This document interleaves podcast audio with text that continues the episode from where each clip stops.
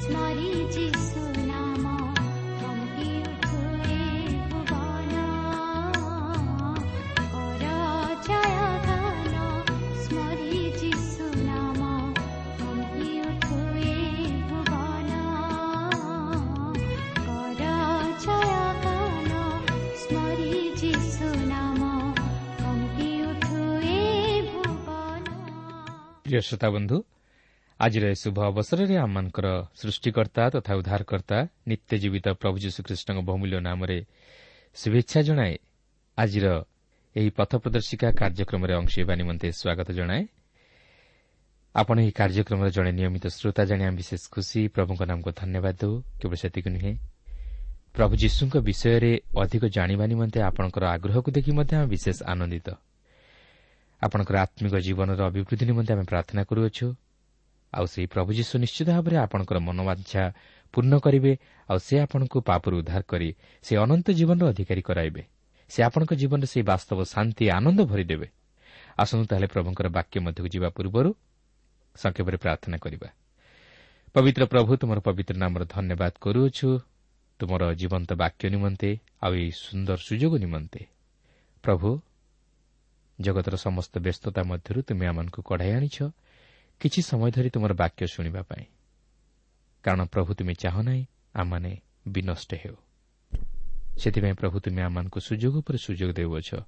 ତୁମର ବାକ୍ୟ ମଧ୍ୟ ଦେଇ ତୁମର ନିକଟବର୍ତ୍ତୀ ହେବା ପାଇଁ ନିଜର ଜୀବନକୁ ସମୀକ୍ଷା କରିବା ପାଇଁ। ହଁ ପ୍ରଭୁ ଏହି ସୁଯୋଗର ସଦ୍ବ୍ୟବହାର କରିବା ନିମନ୍ତେ ତୁମେ ଆମମାନଙ୍କୁ ଜ୍ଞାନ ବିଶିଷ୍ଟ ଅନ୍ତକରଣ ଦାନ କର। ଏକ ସରଳ ବିଶ୍ୱାସର ହୃଦୟ ଦିଅ। ଆଉ ତୁମରି ପଛରେ ଚାଲିବା ନିମନ୍ତେ ଆମମାନଙ୍କୁ ଶକ୍ତି ଦିଅ। ପ୍ରତ୍ୟେକ ଶ୍ରୋତାବନ୍ଧୁମାନଙ୍କୁ ତୁମେ ଆଶୀର୍ବାଦ କର।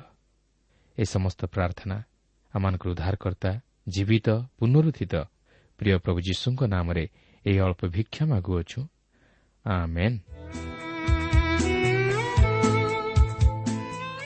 ବର୍ତ୍ତମାନ ଆମେ ପ୍ରଭୁଙ୍କର ବାକ୍ୟ ମଧ୍ୟକୁ ଯିବା। ଆଜି ଆମେ ଯୌନ ଲିଖିତ ସୁଷମାଚାରର ଛଅ ପର୍ବର ପ୍ରଥମ ପଦରୁ ଆରମ୍ଭ କରି ଏକୋଇଶ ପଦ ପର୍ଯ୍ୟନ୍ତ ଅଧ୍ୟୟନ କରିବା ନିମନ୍ତେ ଯିବା। ଏହି ଛଅ ପର୍ବରେ ପ୍ରଥମରେ ଏକ ଆଶ୍ଚର୍ଯ୍ୟ କର୍ମ ସମ୍ପର୍କରେ ଆମେ ଆଲୋଚନା କରିବାକୁ ଯିବା। ତାହା ହେଉଛି ଯୀଶୁ ପାଞ୍ଚଟି ରୋଟି ଓ ଦୁଇଟି ମାଛରେ ପାଞ୍ଚ ହଜାର ଲୋକଙ୍କୁ ଖୁଆଇ ପରିତୃପ୍ତ କଲେ। ତେବେ ଏହି ଆଶ୍ଚର୍ଯ୍ୟ କର୍ମଟି ଚାରୋଟି ଯାକ ସୁଷମାଚାର ମଧ୍ୟରେ ବର୍ଣ୍ଣିତ ହୋଇଅଛି। କିନ୍ତୁ ବିଶେଷ କରି ଜୋହନ ତାହାଙ୍କ ସୁଷମାଚାର ମଧ୍ୟରେ ଯୀଶୁଙ୍କର ପ୍ରତ୍ୟେକ ଆଶ୍ଚର୍ଯ୍ୟ କର୍ମକୁ ଏକ ଚିହ୍ନ ସ୍ୱରୂପେ ବ୍ୟବହାର କରନ୍ତି। କାରଣ ଜୋହନ ଯଦିଓ ଅଳ୍ପ କେତେକ ଏହିପରି ଆଶ୍ଚର୍ଯ୍ୟ ଘଟଣାମାନ ତାହାଙ୍କ ସୁଷମାଚାରରେ ଉଲ୍ଲେଖ କରନ୍ତି ମାତ୍ର ଏହି ସମସ୍ତ ଘଟଣାଗୁଡ଼ିକୁ ଏକ ବିଶେଷ ଉଦ୍ଦେଶ୍ୟ ନେଇ ଚିହ୍ନ ସ୍ୱରୂପେ ବ୍ୟବହାର କରନ୍ତି। କାରଣ ପ୍ରତ୍ୟେକ ଘଟଣା ସହିତ ଏକ ବିଶେଷ ଆଲୋଚନାର ପ୍ରସଙ୍ଗ ଜୋହନ ଉପସ୍ଥାପିତ କରନ୍ତି। ଆପଣ ଦେଖିବେ ଏହି ପାଞ୍ଚ ହଜାର ଲୋକଙ୍କୁ ଭୋଜନ କରିବାର ଘଟଣାରେ ଯୀଶୁ ଯେ ବାସ୍ତବରେ ସେହି ଜୀବନଦାୟକ ଆହାର ତାହା ଜୋହନ ପ୍ରକାଶ କରନ୍ତି। କାରଣ ଜୋହନ ଯୀଶୁଙ୍କର ଆଶ୍ଚର୍ଯ୍ୟ କର୍ମଗୁଡ଼ିକୁ ଏକ ମହାନ ଉଦ୍ଦେଶ୍ୟ ନେଇ ଚିହ୍ନ ସ୍ୱରୂପେ ପ୍ରକାଶ କରନ୍ତି। ସେଥିପାଇଁ ଜୋହନ କୋଡ଼ିଏ ପର୍ବର ତିରିଶ ଓ ଏକତିରିଶ ପଦରେ ଲେଖା ଅଛି ଯୀଶୁ ଶିଷ୍ୟମାନଙ୍କ ସାକ୍ଷାତରେ ଏହିପରି ଅନେକ ବିଭିନ୍ନ ପ୍ରକାର ଆଶ୍ଚର୍ଯ୍ୟକର୍ମ ସାଧନ କଲେ। ସେହିସବୁ ଏହି ପୁସ୍ତକରେ ଲେଖା ହୋଇନାହିଁ କିନ୍ତୁ ତୁମେମାନେ ଯେପରି ବିଶ୍ୱାସ କର ଯେ ଯୀଶୁ ଈଶ୍ୱରଙ୍କ ପୁତ୍ର ଖ୍ରୀଷ୍ଟ ଅଟନ୍ତି ପୁଣି ବିଶ୍ୱାସ କରି ଯେପରି ତୁମେମାନେ ତାହାଙ୍କ ନାମରେ ଜୀବନ ପ୍ରାପ୍ତ ହୁଅ ଏଥିନିମନ୍ତେ ଏ ସମସ୍ତ ଲେଖାଯାଇଅଛି ତେଣୁ ବର୍ତ୍ତମାନ ଆମେ ଦେଖିବାକୁ ଯିବା ଯେ ଯୀଶୁ କିପରି ପାଞ୍ଚଟି ରୋଟି ଓ ଦୁଇଟି ମାଛରେ ପାଞ୍ଚ ହଜାର ଲୋକଙ୍କୁ ଖୁଆଇ ପରିତୃପ୍ତ କରୁଅଛନ୍ତି। ଓ ଏହି ଘଟଣାକୁ କେନ୍ଦ୍ର କରି ସେ ଯେ ସେହି ଜୀବନଦାୟକ ଆହାର ତାହା ଲୋକମାନଙ୍କୁ ଶିକ୍ଷା ଦେଉଅଛନ୍ତି। ଦେଖନ୍ତୁ ଜୋହନ ଛଅ ପର୍ବର ପ୍ରଥମ ଦୁଇ ପଦରେ ଏହିପରି ଲେଖା ଅଛି ଏଥି ଉତ୍ତାରେ ଯୀଶୁ ଗାଲିଲି ସମୁଦ୍ରର ଅର୍ଥାତ୍ ତିବିରିଆ ସମୁଦ୍ରର ଆରପାରିକି ଗଲେ। ଆଉ ସେ ରୋଗୀମାନଙ୍କ ପ୍ରତି ଯେ ଯେ ଆଶ୍ଚର୍ଯ୍ୟକର୍ମ କରୁଥିଲେ ସେହିସବୁ ଦେଖି ବହୁ ସଂଖ୍ୟକ ଲୋକ ତାହାଙ୍କ ପଶ୍ଚାତ୍ ଗମନ କରିବାକୁ ଲାଗିଲେ। ଏହି ଅଂଶଟି ପାଠ କଲାପରେ ଯାହା ଜଣାଯାଏ ଯୀଶୁ ଜିରୁସାଲମରୁ ଆସି ଗାଲିଲି ଅଞ୍ଚଳରେ ପହଞ୍ଚିଅଛନ୍ତି ଓ ସେ ଗାଲିଲି ସମୁଦ୍ର ପାରି ହୋଇ ତହିଁର ଆରପାରିକି ଯାଉଅଛନ୍ତି। ମାତ୍ର ଏଠାରେ ଲକ୍ଷ୍ୟ କରିବେ ବହୁ ସଂଖ୍ୟକ ଲୋକ ତାହାଙ୍କର ପଶ୍ଚାତ୍ ଗମନ କରୁଥିଲେ। କିନ୍ତୁ ସେମାନେ ପ୍ରକୃତିରେ ପ୍ରଭୁ ଯୀଶୁଙ୍କଠାରେ ବିଶ୍ୱାସ କରୁନଥିଲେ। ମାତ୍ର ତାହାଙ୍କର ଆଶ୍ଚର୍ଯ୍ୟ କର୍ମ ସବୁ ଦେଖିବା ନିମନ୍ତେ ତାହାଙ୍କର ଅନୁଗମନ କରୁଥିଲେ। ଆଜି ମଧ୍ୟ ଅନେକ ପ୍ରଭୁ ଯୀଶୁଙ୍କ ବିଷୟରେ ଜାଣିବାକୁ ଆଗ୍ରହ ପ୍ରକାଶ କରନ୍ତି ମାତ୍ର ସେମାନେ ପ୍ରଭୁ ଯୀଶୁଙ୍କଠାରେ ବିଶ୍ୱାସ କରନ୍ତି ନାହିଁ।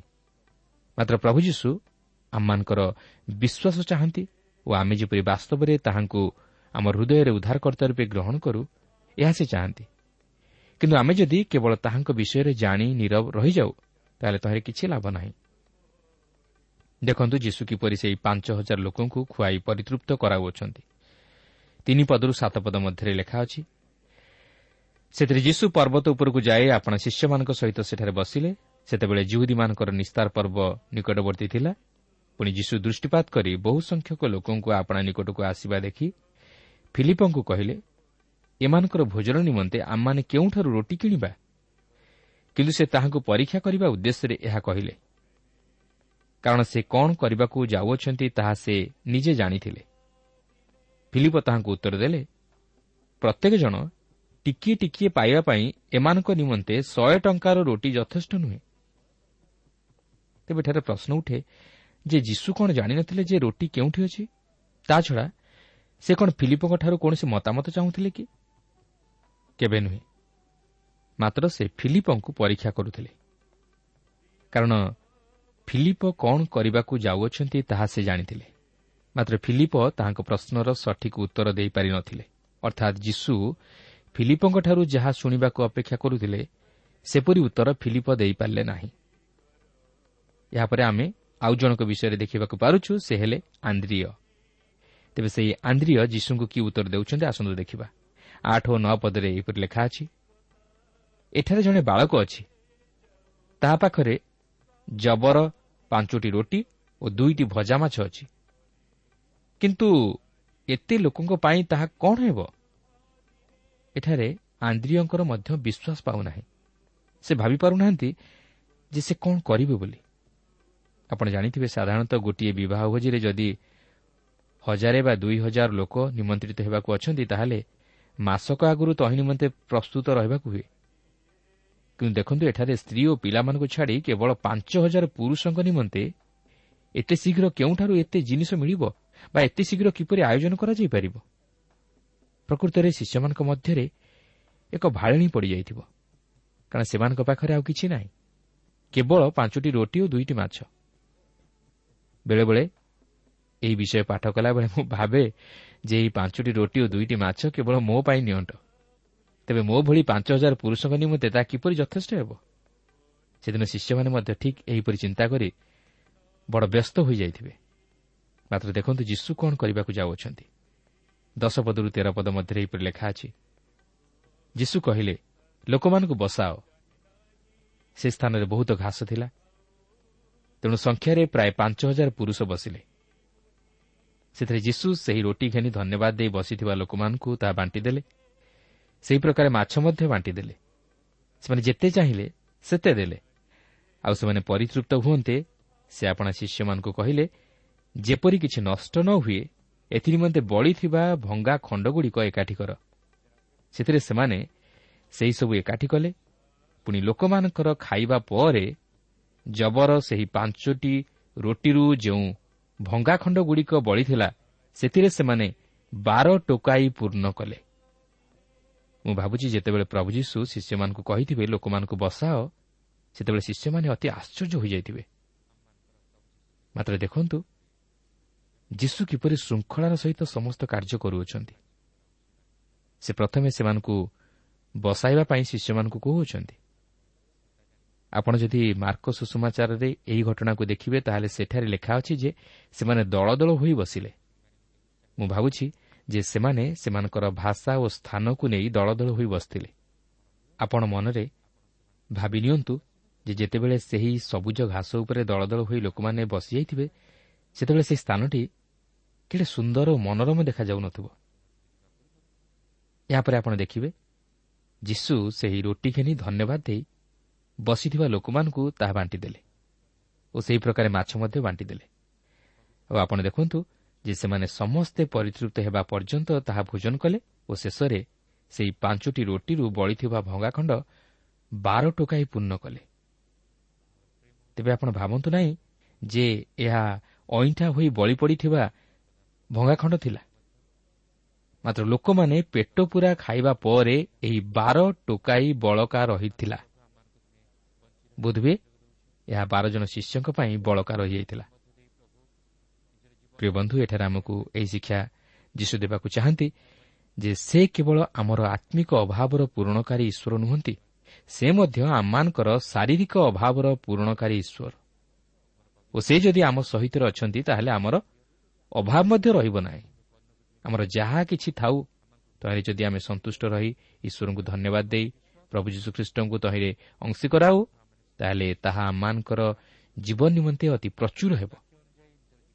କାରଣ ସେ ଆମମାନଙ୍କର ଆତ୍ମିକ ତଥା ଶାରୀରିକ ଅଭାବର ପୂରଣକାରୀ ଈଶ୍ୱର। ସେଥିପାଇଁ ସେ କହନ୍ତି ମୁଁ ଜୀବନଦାୟକ ଆହାର। ପ୍ରିୟ ବନ୍ଧୁ ଆଜି ସେହି ପ୍ରଭୁ ଯୀଶୁ କ'ଣ ଆପଣଙ୍କ ବ୍ୟକ୍ତିଗତ ଜୀବନରେ ଓ ପାରିବାରିକ ଜୀବନରେ ଅଛନ୍ତି କି? ଆପଣ କ'ଣ ତାଙ୍କ ହସ୍ତରେ ନିଜର ସମସ୍ତ ବିଷୟକୁ ସମର୍ପିତ କରିଅଛନ୍ତି କି? ଯଦି ଆପଣ ଏପର୍ଯ୍ୟନ୍ତ ତାହା ନ କରି ନିଜ ଉପରେ ନିର୍ଭର କରି ଅଧିକରୁ ଅଧିକ ଭାଙ୍ଗି ପଡ଼ୁଛନ୍ତି ତାହେଲେ ଆଜି ହିଁ ପ୍ରଭୁ ଯୀଶୁଙ୍କ ହସ୍ତରେ ନିଜର ସମସ୍ତ ବିଷୟକୁ ସମର୍ପଣ କରନ୍ତୁ ତାହେଲେ ସେ ଆପଣଙ୍କ ଜୀବନରେ ଆଶ୍ଚର୍ଯ୍ୟ ବିଷୟମାନ ସାଧନ କରିବେ। ସେ ଆପଣଙ୍କର ଅଭାବ ପୂରଣ କରିବେ। ସେ ଆପଣଙ୍କର ଆବଶ୍ୟକତା ଅନୁଯାୟୀ ସମସ୍ତ ବିଷୟ ଯୋଗାଇବେ। କାରଣ ଯାହା ଆପଣଙ୍କ ଦୃଷ୍ଟିରେ ଅସମ୍ଭବ ତାହା ପ୍ରଭୁ ଯୀଶୁଙ୍କ ଦୃଷ୍ଟିରେ ସମ୍ଭବ। ସେଦିନ ପ୍ରଭୁ ଯୀଶୁ ତାଙ୍କର ଶିଷ୍ୟମାନଙ୍କୁ ତାହା ହିଁ ଜଣାଇ ଦେବାକୁ ଚାହିଁଥିଲେ। ଦେଖନ୍ତୁ ଯୀଶୁ ଏହି ଆଶ୍ଚର୍ଯ୍ୟ କର୍ମଟି ସାଧନ କଲାପରେ ଲୋକମାନଙ୍କ ମନରେ କି ପ୍ରକାର ପ୍ରତିକ୍ରିୟା ସୃଷ୍ଟି ହୋଇଛି। ଚଉଦ ପନ୍ଦର ପଦରେ ଲେଖା ଅଛି ତେଣୁ ଲୋକମାନେ ତାହାଙ୍କ କୃତ ଆଶ୍ଚର୍ଯ୍ୟ କର୍ମ ଦେଖି କହିବାକୁ ଲାଗିଲେ ଜଗତକୁ ଯେଉଁ ଭାଓବାଦୀଙ୍କର ଆସିବାର ଥିଲା ଏ ନିଶ୍ଚୟ ସେହି। ଅତଏବ ସେମାନେ ଆସି ରାଜା କରିବା ନିମନ୍ତେ ଯେ ତାହାଙ୍କୁ ବଳପୂର୍ବକ ଧରିବାକୁ ଉଦ୍ୟତ ଅଟନ୍ତି ଏହା ଜାଣି ଯୀଶୁ ପୁନର୍ବାର ଅନ୍ତର ହୋଇ ଏକାକୀ ପର୍ବତକୁ ବାହାରିଗଲେ। ଏହି ଅଂଶରେ ଆପଣ ଦେଖିବେ ସେମାନେ ତାହାଙ୍କୁ ରାଜା କରିବା ନିମନ୍ତେ ଯେତେବେଳେ ଚାହିଁଲେ ସେତେବେଳେ ସେ ତାହା ଜାଣି ଅନ୍ତର ହୋଇ ଏକାକୀ ପର୍ବତକୁ ବାହାରିଗଲେ। କାରଣ ସେ ମନୁଷ୍ୟମାନଙ୍କଠାରୁ ପ୍ରଶଂସା ପାଇବାକୁ ବା ସମ୍ମାନିତ ହେବାକୁ ଚାହିଁନଥିଲେ। ଯେଣୁ ମନୁଷ୍ୟ ମନରେ କ'ଣ ଅଛି ତାହା ସେ ଜାଣୁଥିଲେ। ସେହି ଲୋକମାନେ ଯେ ତାହାଙ୍କଠାରେ ବିଶ୍ୱାସ କରୁଥିଲେ ତାହା ନୁହେଁ। ମାତ୍ର ତାହାଙ୍କର ଆଶ୍ଚର୍ଯ୍ୟ କର୍ମ ସବୁ ଦେଖିବା ପାଇଁ ଓ ତାହାଙ୍କଠାରୁ ସୁସ୍ଥତା ପାଇବା ପାଇଁ ତାହାଙ୍କର ପଶ୍ଚାଦଗମନ କରୁଥିଲେ। ତେବେ ଆପଣ ଏଠାରେ ପ୍ରଶ୍ନ କରିପାରନ୍ତି ତାହେଲେ ଯୀଶୁ କ'ଣ ରାଜା ନଥିଲେ? ହଁ ସେ ରାଜା ଥିଲେ। ସେ ରାଜା ରୂପେ ଜନ୍ମଗ୍ରହଣ କରିଥିଲେ। ମାତ୍ର ସେ ଏହିପରି ଭାବେ ରାଜା ହେବା ପାଇଁ ଚାହିଁନଥିଲେ ମାତ୍ର ଈଶ୍ୱରଙ୍କର ମହତ ଅଭିମତକୁ ସଫଳ କରି ରାଜା ହେବାକୁ ଚାହିଁଥିଲେ। ତେଣୁକରି ସେ ଯଦିଓ ଏହି ଜଗତରେ ରାଜା ରୂପେ ନିଜକୁ ପ୍ରକାଶ କରିନଥିଲେ ମାତ୍ର ସେ ଯେତେବେଳେ ପୁନର୍ବାର ଏହି ଜଗତକୁ ଦ୍ୱିତୀୟ ଆଗମନ କରିବେ ସେତେବେଳେ ସେ ରାଜାମାନଙ୍କର ରାଜା ହୋଇ ମହାଗୌରବ ଓ ପରାକ୍ରମରେ ଆଗମନ କରିବେ ଏହି ଜଗତର ବିଚାର କରିବା ପାଇଁ। ତାହେଲେ ସେଥିନିମନ୍ତେ କ'ଣ ଆପଣ ନିଜକୁ ପ୍ରସ୍ତୁତ କରିପାରିଛନ୍ତି କି? ତେବେ ଏଠାରେ ଦେଖନ୍ତୁ ଯୀଶୁ ଆଉ ଏକ ଆଶ୍ଚର୍ଯ୍ୟ ବିଷୟ ସାଧନ କରୁଅଛନ୍ତି। ତାହା ହେଉଛି ସେ ପାଣି ଉପରେ ଚାଲି ଚାଲି ଯାଉଛନ୍ତି। ଦେଖନ୍ତୁ ଷୋହଳ ପଦରୁ ଏକୋଇଶ ପଦ ମଧ୍ୟରେ ଏହିପରି ଲେଖା ଅଛି। ସନ୍ଧ୍ୟା ହୁଅନ୍ତେ ତାହାଙ୍କ ଶିଷ୍ୟମାନେ ସମୁଦ୍ର କୂଳକୁ ଗଲେ ଓ ନୌକାରେ ଚଢ଼ି ସମୁଦ୍ର ସେପାରସ୍ଥ କଫର ନାମ ଆଡ଼କୁ ଯିବାକୁ ଲାଗିଲେ। ଅନ୍ଧକାର ହୋଇଗଲା। ପୁଣି ଯୀଶୁ ସେ ପର୍ଯ୍ୟନ୍ତ ସେମାନଙ୍କ ନିକଟକୁ ଆସିନଥିଲେ ଆଉ ପ୍ରବଳ ପବନ ବହୁଥିବାରୁ ସମୁଦ୍ରରେ ଲହଡ଼ି ଉଠୁଥିଲା। ଇତିମଧ୍ୟରେ ସେମାନେ ପ୍ରାୟ ଦେଢ଼ ବା ଦୁଇ କୋଷ ବାହିଯାଇ ଯୀଶୁଙ୍କୁ ସମୁଦ୍ର ଉପରେ ଚାଲି ନୌକା ନିକଟକୁ ଆସୁଥିବା ଦେଖି ଭୀତ ହେଲେ। କିନ୍ତୁ ସେ ସେମାନଙ୍କୁ କହିଲେ ଏ ତ ମୁଁ ଭୟ କର ନାହିଁ। ତେଣୁ ସେମାନେ ତାହାଙ୍କୁ ନୌକାରେ ନେବାକୁ ଇଚ୍ଛୁକ ହେଲେ। ପୁଣି ସେମାନେ ଯେଉଁ ସ୍ଥାନକୁ ଯାଉଥିଲେ ନୌକାଟି ତତ୍କ୍ଷଣାତ୍ ସେହି ସ୍ଥାନରେ ପହଞ୍ଚିଲା। ଏହି ଅଂଶରେ ଆପଣ ଲକ୍ଷ୍ୟ କରିବେ ଯୀଶୁ ସମୁଦ୍ର ଉପରେ ଚାଲି ଚାଲି ଶିଷ୍ୟମାନଙ୍କ ନିକଟକୁ ଆସିଲେ। କାହିଁକି?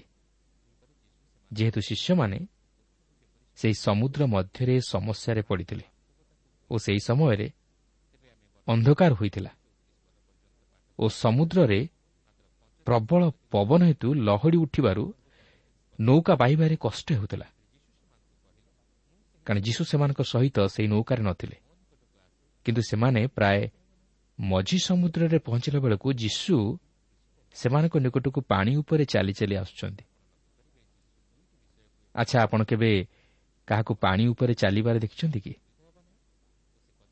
ମାତ୍ର ଯୀଶୁ ପାଣି ଉପରେ ଚାଲିଥିଲେ। ତାଛଡ଼ା ସେ ଶିଷ୍ୟମାନଙ୍କୁ ଏପରି ଜଟିଳ ପରିସ୍ଥିତିରେ ଛାଡ଼ିବାକୁ ଚାହିଁନଥିଲେ କିନ୍ତୁ ମୁଁ କହିପାରିବି ନାହିଁ ଯେ ଯୀଶୁ କାହିଁକି ତାହା ପୂର୍ବରୁ ଆସିଲେ ନାହିଁ ବା କାହିଁକି ସେମାନଙ୍କ ସଙ୍ଗରେ ରହିଲେ ନାହିଁ ବୋଲି ମାତ୍ର ବୋଧହୁଏ ଏପରି ଏକ ସମୟ ପ୍ରତି ସେ ଅପେକ୍ଷା କରିଥିଲେ ଯେଉଁ ସମୟରେ କି ଶିଷ୍ୟମାନେ ତାହାଙ୍କ କଥା ଶୁଣିବେ ଓ ତାହାଙ୍କ ଉପରେ ସମ୍ପୂର୍ଣ୍ଣ ନିର୍ଭର ଦେବେ। ଓ ତାହାଙ୍କର ଆଶ୍ଚର୍ଯ୍ୟ ଶକ୍ତିକୁ ଜାଣିବାକୁ ପାରିବେ।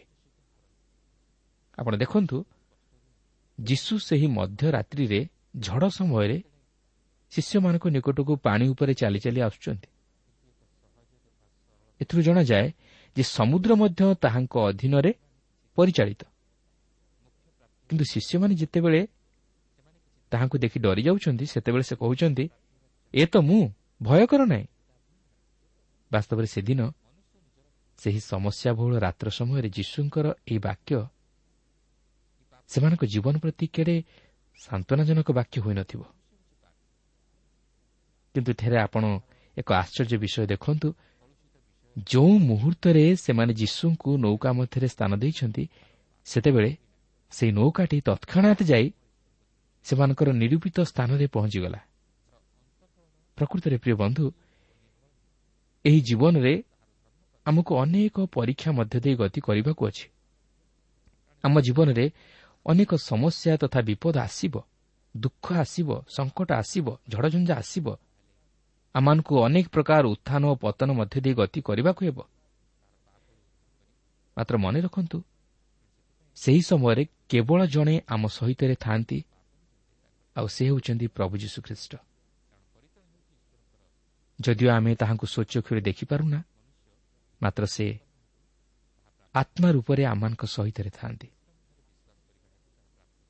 କାରଣ ସେ ଆପଣ ସୃଷ୍ଟ ମନୁଷ୍ୟକୁ କେବେ ହେଲେ ଭୁଲି ଯାଆନ୍ତି ନାହିଁ ଆମର ଦୁଃଖ ବେଳେ କେହି ଯଦି ଜଣେ ଆମକୁ ସାନ୍ତ୍ୱନା ଦେବାକୁ ଥାଏ ସେ ହେଉଛନ୍ତି ପ୍ରଭୁ ଯୀଶୁଖ୍ରୀଷ୍ଟ ଯେଉଁମାନେ ତାହାଙ୍କଠାରେ ନିର୍ଭର ରଖନ୍ତି ଓ ତାହାଙ୍କର ଇଚ୍ଛା ଅନୁଯାୟୀ କାର୍ଯ୍ୟ କରନ୍ତି ସେମାନଙ୍କ ଜୀବନରେ ସମସ୍ୟା ଦୁଃଖ ଆସିଲେ ମଧ୍ୟ ସେ ସେହି ସମସ୍ତରୁ ତାହାଙ୍କର ଆଶ୍ରିତମାନଙ୍କୁ ଉଦ୍ଧାର କରନ୍ତି। ପ୍ରିୟ ବନ୍ଧୁ ଆଜି ଆପଣଙ୍କର ଜୀବନ ରୂପକ ନାଁରେ କ'ଣ ପ୍ରଭୁ ଯୀଶୁ ଅଛନ୍ତି କି? ଆପଣ କ'ଣ ତାହାଙ୍କୁ ନିଜ ଚଲାପଥରେ ସାଥୀ କରିଛନ୍ତି କି? ଆପଣଙ୍କର ଜୀବନରେ ଯେତେବେଳେ ସେହି ଢେଉ ସଦୃଶ ସମସ୍ୟା ଓ ଦୁଃଖ ଆପଣଙ୍କ ଜୀବନ ରୂପକ ନାଁକୁ ଧକ୍କା ଦେଇ ଟଳମଳ କରିଦିଏ ସେତେବେଳେ କ'ଣ ଆପଣ ପ୍ରଭୁ ଯୀଶୁଙ୍କୁ ସ୍ମରଣ କରନ୍ତି କି? କିନ୍ତୁ ପ୍ରଭୁ ଯୀଶୁ ସେହି ସମୟରେ ଆପଣଙ୍କର ସହିତରେ ଥାନ୍ତି ଆପଣ ତାହାଙ୍କୁ ବୋଧହୁଏ ଚିହ୍ନି ନ ପାରନ୍ତି। ମାତ୍ର ସେ ଆପଣଙ୍କୁ ସେହି ସମସ୍ୟାରୁ ଉଦ୍ଧାର କରନ୍ତି। ପ୍ରିୟ ବନ୍ଧୁ ଆଜି ଯଦି ଆପଣ ପ୍ରଭୁ ଯୀଶୁଙ୍କୁ ନିଜ ଜୀବନ ରୂପକ ନାଁରେ ସ୍ଥାନ ଦିଅନ୍ତି ତାହେଲେ ଆପଣଙ୍କର ସେହି ନାଁଟି ଏହି ସମସ୍ୟା ତଥା ଅନ୍ଧକାରମୟ ଜଗତ ମଧ୍ୟରେ ଡୁବି ନ ଯାଇ ଏହି ଜଗତ ରୂପକ ସାଗରକୁ ପାରି ହୋଇ ସେହି ସ୍ୱର୍ଗୀୟ ରାଜ୍ୟରେ ପ୍ରବେଶ କରିପାରିବ। ତେଣୁ ଆଜି ଯଦି ଆପଣଙ୍କ ଜୀବନରେ ଆପଣ ଦୁଃଖ ତଥା ସମସ୍ୟା ମଧ୍ୟରେ ପଡ଼ି ରହିଛନ୍ତି ତାହେଲେ ଥରେ ବିଶ୍ୱାସରେ ସେହି ପ୍ରଭୁ ଯୀଶୁଙ୍କ ଆଡ଼କୁ ଦୃଷ୍ଟି ଦିଅନ୍ତୁ। ତାହେଲେ ସେ ଆପଣଙ୍କୁ ସେହି ସମସ୍ୟା ତଥା ଦୁଃଖରୁ ଉଦ୍ଧାର କରି ଆପଣଙ୍କ ଜୀବନ ରୂପକ ନାଁଟିକୁ ସେହି ଦୁଃଖ ଓ ସମସ୍ୟା ରୂପକ ଢେଉରୁ ପାରି କରାଇ ଆପଣଙ୍କୁ ଆପଣଙ୍କର ଲକ୍ଷ୍ୟସ୍ଥଳରେ ନେଇ ପହଞ୍ଚାଇ ଦେବେ ଓ ଆପଣ ଜୀବନରେ ବାସ୍ତବ ଶାନ୍ତି ଓ ଆନନ୍ଦ ତଥା ସାହସ ପ୍ରାପ୍ତ ହେବେ। ସେଦିନ ସେ ଯେପରି ଶିଷ୍ୟମାନଙ୍କ ସହିତ ଥିଲେ ଆଜି ମଧ୍ୟ ସେ ଆପଣଙ୍କ ସଙ୍ଗରେ ଓ ମୋ ସଙ୍ଗରେ ଅଛନ୍ତି। କିନ୍ତୁ ଦୁଃଖର ବିଷୟ ଏହି ଯେ ଆମେ ତାହାଙ୍କୁ ଚିହ୍ନିବା ପାଇଁ ସମର୍ଥ ନୁହଁ। ଆମେ ତାହାଙ୍କୁ ଚିହ୍ନି ପାରୁନାହୁଁ ବା ଚିହ୍ନିବା ନିମନ୍ତେ ସମର୍ଥ ହୋଇପାରିନାହୁଁ କିନ୍ତୁ ସେ ଆମମାନଙ୍କ ସହିତ ଅଛନ୍ତି ଓ ତାହାଙ୍କ ବାକ୍ୟ ଦ୍ୱାରା ସେ ଆମମାନଙ୍କ ସହିତ କଥାବାର୍ତ୍ତା କରନ୍ତି। କିନ୍ତୁ ଆମେ ସବୁକିଛି ଶୁଣିଲେ ମଧ୍ୟ ପାଠ କରିଲେ ମଧ୍ୟ ଦେଖିଲେ ମଧ୍ୟ ତାହାରେ ବିଶ୍ୱାସ କରିବାକୁ ଚାହୁଁନା। କି ତାହାଙ୍କୁ ହୃଦୟରେ ଉଦ୍ଧାରକର୍ତ୍ତା ରୂପେ ଗ୍ରହଣ ମଧ୍ୟ କରିବାକୁ ଚାହୁଁନା। କିନ୍ତୁ ପ୍ରିୟ ବନ୍ଧୁ ଜୀବନର ଏହି ନାଁଟି ଡୁବିଯିବା ପୂର୍ବରୁ ଯଦି ଆମେ ତାହାଙ୍କୁ ଚିହ୍ନି ତାହାଙ୍କୁ ନିଜର ଜୀବନ ରୂପକ ନାଁରେ ସ୍ଥାନ ଦେଉ ତାହେଲେ ସେ ଆମମାନଙ୍କୁ ପାରି କରାଇ ସେହି ଅନନ୍ତ ରାଜ୍ୟରେ ପ୍ରବେଶ କରାଇଦେବେ ଆମେ ପାପରେ ବିନଷ୍ଟ ନ ହୋଇ ସେହି ଅନନ୍ତ ଜୀବନର ଅଧିକାରୀ ହୋଇପାରିବା। ତେଣୁ ପ୍ରିୟ ବନ୍ଧୁ ସୁଯୋଗର ସଦ୍ବ୍ୟବହାର କରି ଆମେ ସେହି ପ୍ରଭୁ ଯୀଶୁଙ୍କ ନିକଟକୁ ଫେରିଆସୁ। ତାହାଙ୍କ ନିକଟରେ ନିଜର ସମସ୍ତ ପାପ ସ୍ୱୀକାର କରି ଉଦ୍ଧାରପ୍ରାପ୍ତ ହେଉ ଅନନ୍ତ ଜୀବନର ଅଧିକାରୀ ହେଉ। ତେବେ ଆଜି ପାଇଁ ଆମେ ଏହିଠାରେ ଏହି କାର୍ଯ୍ୟକ୍ରମ ସ୍ଥଗିତ ରଖିବା। କିନ୍ତୁ ପରବର୍ତ୍ତୀ କାର୍ଯ୍ୟକ୍ରମରେ ଯୀଶୁ ଯେ ସେହି ଜୀବନଦାୟକ ଆହାର ତାହା ଆଲୋଚନା କରି ତହିଁରୁ ଆମର ଆଧ୍ୟାତ୍ମିକ ଜୀବନ ନିମନ୍ତେ କିଛି ଶିକ୍ଷା ଗ୍ରହଣ କରିବା। ପ୍ରଭୁ ପ୍ରତ୍ୟେକଙ୍କୁ ଏହି ସଂକ୍ଷିପ୍ତ ଆଲୋଚନା ମଧ୍ୟ ଦେଇ ଆଶୀର୍ବାଦ କରନ୍ତୁ।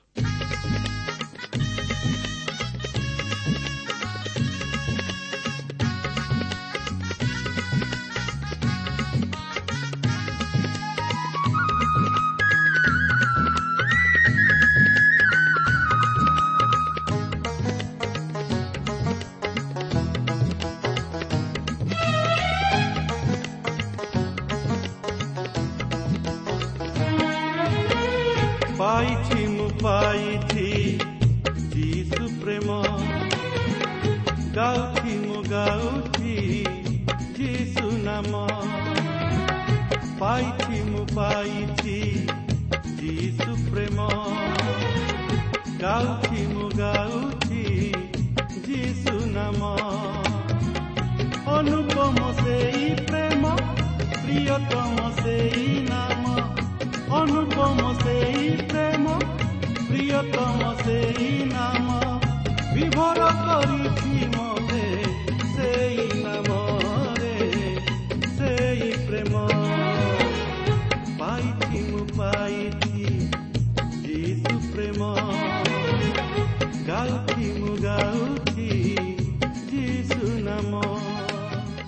श्रोताम आपरि लाग के विषय आपदयको अधिक स्पर्श गरिकु जन सन्देह थाय तत्रम टेफोन जे आम ठिक पथ प्रदर्शिका Trans World Radio India post box number Bhubaneswar सात पा mobile number nine seven double seven double two one four ଠିକଣାଟି ଆଉଥରେ ଶୁଣନ୍ତୁ ପଥ ପ୍ରଦର୍ଶିକା Trans World Radio India post box number three three Bhubaneswar seven five one zero zero one mobile number nine seven double seven double two one four one five ଆମର email ଆଡ୍ରେସ୍ଟି ଲେଖି ରଖନ୍ତୁ Odia TV at radio eight eight two dot com ତେବେ ଆଜି ପାଇଁ ଏଠାରେ ରଖୁଛୁ। ନମସ୍କାର। ପ୍ରିୟତମ ସେଇ ନାମ ଶତତି ଯେ କାମର ସେଇ ନାମରେ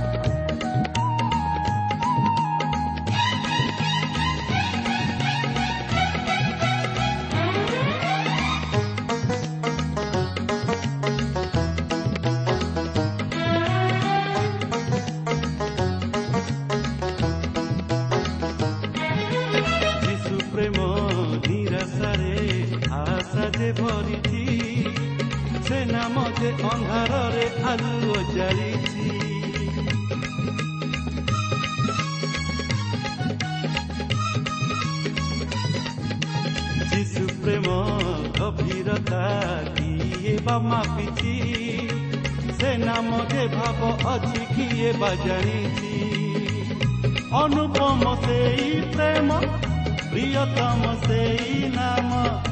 ଅନୁପମ ସେଇ ପ୍ରେମ ପ୍ରିୟତମ ସେଇ ନାମ। ଭରସା ଯେ କାମର ସେଇ ନାମରେ